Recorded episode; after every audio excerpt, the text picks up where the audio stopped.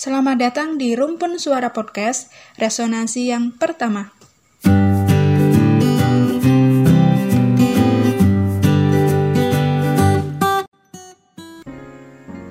Oke, biar ada kebaikan yang bisa diambil dari podcast ini, untuk mengawalinya aku ucapkan Bismillahirrahmanirrahim. Assalamualaikum warahmatullahi wabarakatuh teman-teman. Semoga selalu dalam keadaan sehat ya. Semoga kita selalu dalam lindungan Allah Subhanahu wa taala. Amin. Yap, sekali lagi aku ucapkan selamat datang buat teman-teman yang sudah bersedia mendengarkan podcast ini. Asli, sesenang itu bisa bikin podcast. Karena sebenarnya aku udah pengen banget bikin podcast sejak lama. Bahkan sebelum podcast rame kayak sekarang. Mungkin waktu itu sekitar tahun 2017, dulu tuh tiba-tiba kayak ada lampu terang yang menyala di samping kepala. Tring gitu. Ih, pengen deh bikin sesuatu yang mungkin bisa bermanfaat untuk orang lain, atau bikin karya lewat media tanpa harus menampakkan fisik. Karena kadang fisik tuh bikin salfok gak sih? Jadi dalam artian, aku pengen bikin karya hanya memperdengarkan suaraku gitu. Ih lu kayak punya suara bagus aja deh. Ya aku sih rasanya fan-fan aja gitu punya suara ya. Nggak tahu kalian yang mendengarkan suara ini tersiksa atau enggak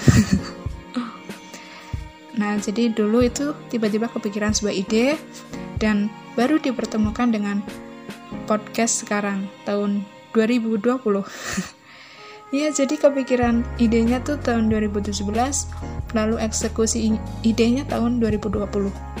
Tiga tahun kemudian. Uh, iya, jadi ini bukan sedang mendeklarasikan bentuk kemalasan diri ya. Tapi baru ketemu aja gitu sama media yang pas. Ya, yeah, ngelesnya aku tuh kayak alus gitu gak sih? Oke. Okay. Udah ya, jadi udah kan bikin podcastnya Nah, hal berikutnya yang aku pikirkan adalah kontennya. Atau informasi apa sih yang pengen aku sampaikan lewat podcast ini? Karena setelah menimbang-nimbang, aku ini kan bukan seorang penyair yang pandai merangkai kata-kata. Jadi, podcast ini bukan tentang kumpulan sajak. Setelah itu, aku ini juga bukan manusia yang pandai berargumentasi jadi jelas podcast ini bukan tentang opini, apalagi sampai ke podcast analisa. Bukan, bukan, kayaknya bukan deh. Terus apa dong? Podcast ini akan aku isi dengan hal yang berkaitan dengan agama yang aku anut, agama yang aku yakini, agama yang mayoritas pemeluknya terbesar di Indonesia. Iya, agama Islam ah lu ceritanya mau dakwah gitu. Iya mau dibilang dakwah ya monggo. Bukan dakwah juga nggak apa-apa. Intinya aku ingin mengajak teman-teman untuk belajar bareng gitu. Karena topik-topik yang diangkat pun nantinya bukan topik-topik yang berat. Nah topik yang ingin aku angkat itu yang bertujuan biar sekiranya ketika kalian mendengarkan podcast ini ada faidahnya gitu. Atau ada kebaikan yang bisa diambil.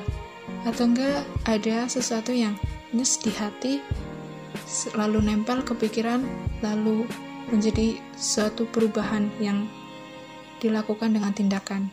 Wih deh mantap nggak nah mendengar hal itu mungkin ada yang kepikiran ah lu mau dakwah lu siapa? Ustazah bukan tokoh agama juga bukan gitu. Iya bener banget aku bukan ustazah. Bukan juga tokoh agama tapi aku teringat pada kata-kata yang aku lihat di sebuah postingan.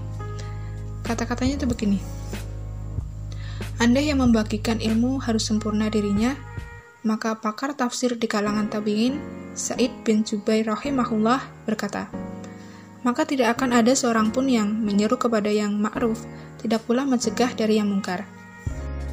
Hal ini juga diamini oleh Imam Malik rahimahullah, Said bin Zubair, benar.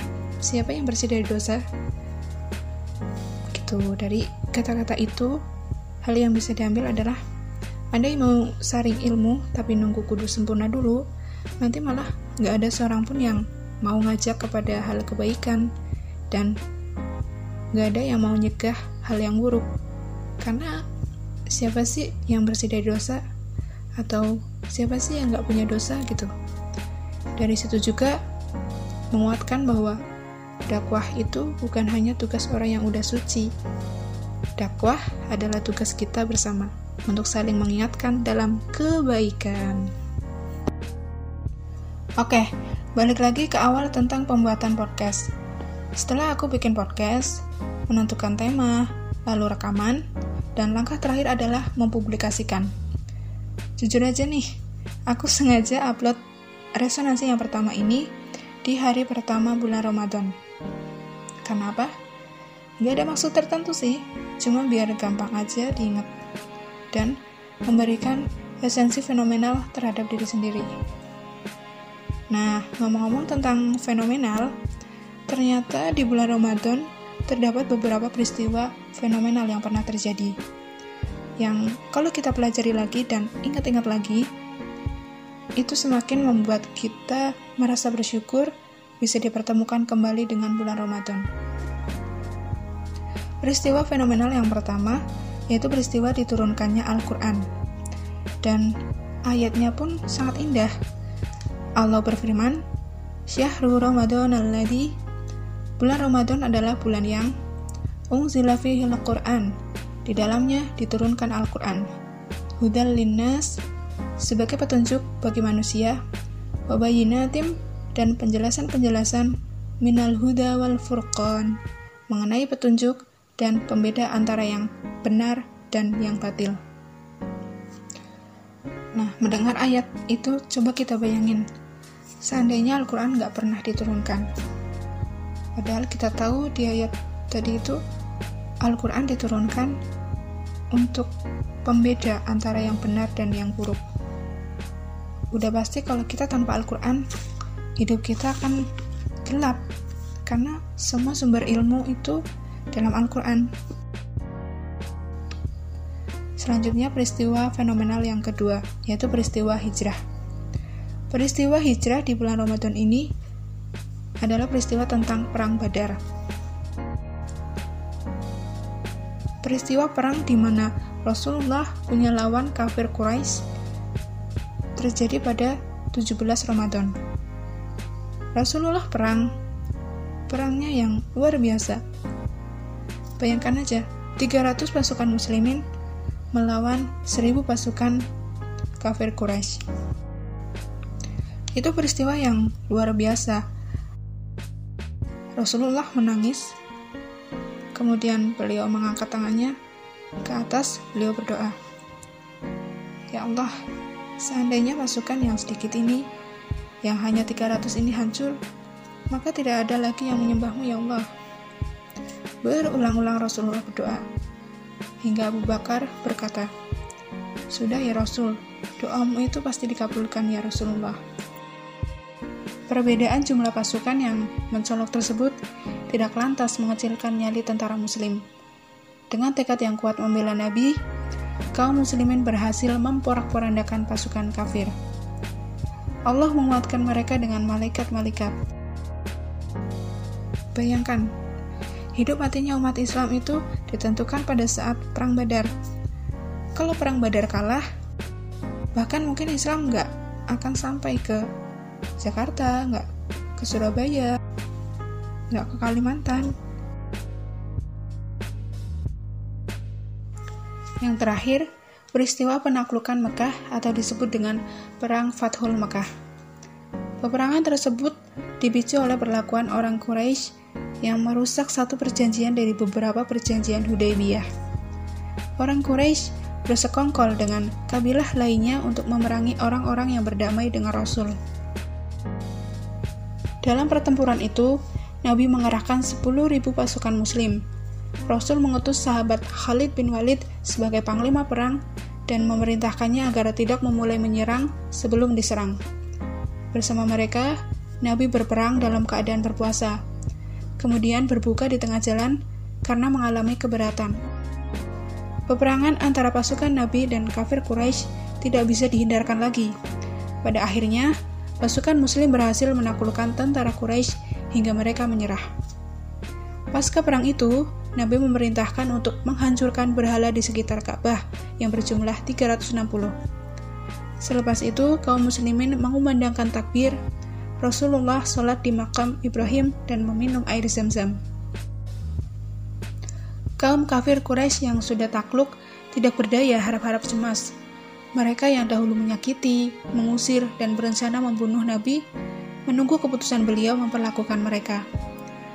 Bisa saja Rasul membunuh mereka, namun dengan belas kasihnya yang luas, beliau memaafkan dan membebaskan mereka. Pergilah, kalian bebas, pungkas Nabi. Jadi, tiga peristiwa epik itu terjadi di bulan Ramadan. Bayangkan, kalau kita tidak dapat Al-Quran. Bayangkan kalau Ramadan waktu itu Perang Badar kalah. Dan bayangkan kalau Ka'bah tidak bisa diambil alih waktu itu dengan peristiwa Fatul Mekah. Gak ada yang berangkat umroh.